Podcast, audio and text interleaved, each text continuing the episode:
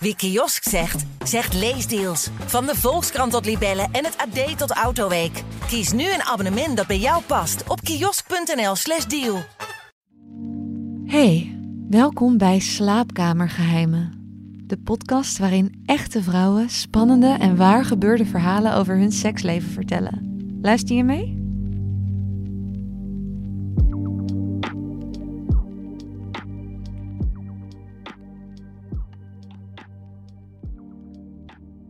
Een paar weken geleden kwam mijn man laat thuis van een borrel. Ik hoorde hem stommelen en het was duidelijk dat hij behoorlijk dronken was. Ik viel weer in slaap, maar na een poosje hoorde ik hem bellen met iemand. De toon was anders dan bij normale telefoongesprekken en ik denk dat ik daarom ineens echt klaar wakker was. Ik ging op de trap staan, maar kon het net niet goed horen wie hij aan de lijn had.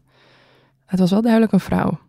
En toen ik opving dat hij wel vaker een affaire had gehad, was dat voor mij het moment om beneden toch even verhaal te gaan halen. Hij bleek aan de lijn te zitten met een juf van de kinderopvang. Een jonge vrouw nog, wier nummer hij blijkbaar in zijn telefoon had staan. Hij verbrak de verbinding toen hij mij zag en biechte meteen alles op. Blijkbaar wisselde hij al een poosje spannende berichtjes uit met deze BSO-dame. En besloot hij nu in zijn dronken bui te proberen meer van deze relatie te maken. De BSO-juf zou hem hebben verteld daar geen interesse in te hebben. Maar ik betwijfel dat. Want waarom neemt ze midden in de nacht die telefoon op als hij belt? Ja, en mijn man vertelde ja, dat hij inderdaad al eerder een affaire had gehad. Vorig jaar, in de periode dat hij zogenaamd heel druk was met zijn werk en plotseling vaker moest overwerken. Ja, in werkelijkheid had hij via zijn werk dus een jonge, aantrekkelijke vrouw ontmoet, die hij regelmatig naar zijn werkplaats liet komen. Terwijl ik thuis met de kinderen bezig was en het zo sneu voor hem vond dat hij zo lang moest werken. Ja, ik geloofde mijn oren niet toen hij me dit allemaal vertelde. Ik was echt zo kwaad op hem dat hij zoiets had gedaan. Maar ook op mezelf dat het nooit in me was opgekomen dat hij zoiets kon doen. En ja, ons seksleven was sinds de komst van de kinderen behoorlijk ingekakt. Er was weinig passie meer. Als we eens per drie maanden vreden, was het al veel. Maar dat hij zoiets kon doen zonder dat ik het doorhad, ja, dat had ik echt nooit verwacht. Wat ik al helemaal niet verwachtte, was mijn eigen reactie. Na de eerste boosheid en, en de vele tranen gebeurde er eigenlijk iets ongelofelijks. Ja, ik werd dus gewoon geil. En niet zo'n beetje ook. En waarom weet ik niet.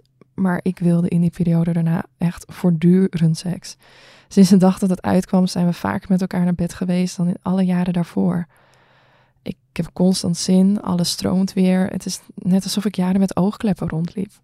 Of vast zat in de regels die passen bij het perfecte plaatje van een moeder en een echtgenote. Ja, nu die regels blijkbaar niet meer gelden, is er bij mij zoveel meer ruimte gekomen. Alsof er een parallele wereld is vol lekkere mannen die ik niet meer heb gezien sinds ik kinderen heb. Ik zie overal mogelijkheden. Ik wil constant seks en niet alleen met mijn eigen man. Toen ik laatst op een festival was, belde ik bijna een oude scharrel omdat ik ineens een zo'n zin had. En als ik op het terras zit, kijk ik voortdurend om me heen of er nog iets lekkers te zien is. Ik voel me gewoon echt net een puber. Ik ben ook op Tinder gegaan en vond echt een hele leuke match. Als mijn man vreemd mag gaan, ja, mag ik dat toch ook? Met deze Tinderman heb ik echt super opwindende gesprekken. En volgens mij is er echt een geile klik wel. Ik heb hem nog nooit live gezien natuurlijk, dus helemaal zeker weten, dat doe je nog niet. Het maakt me eigenlijk ook niet heel veel uit. Ik geniet er gewoon van dat hij me zo opwindt en alleen al het idee dat we na de zomer een date hebben, ja, maakt me toch wel een beetje gek van verlangen. Mijn man die weet wel dat ik op Tinder zit, maar ik heb hem niks verteld over mijn date. Dit pleziertje hou ik toch nog even voor mezelf, denk ik. Als we seks hebben gehad in een hotelkamer die ik al heb geboekt, laat ik mijn man wel weten. Ben wel benieuwd hoe hij reageert. Misschien doet het hem wel heel weinig, maar ik hoop toch wel een beetje dat hij jaloers is.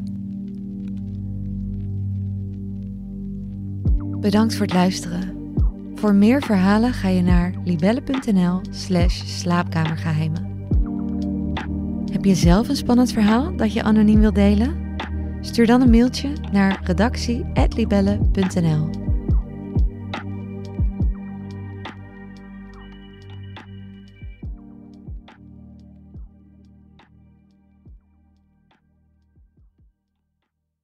Wie kiosk zegt, zegt leesdeals. Van de Volkskrant tot Libellen en het AD tot Autoweek. Kies nu een abonnement dat bij jou past op kiosk.nl/slash deal.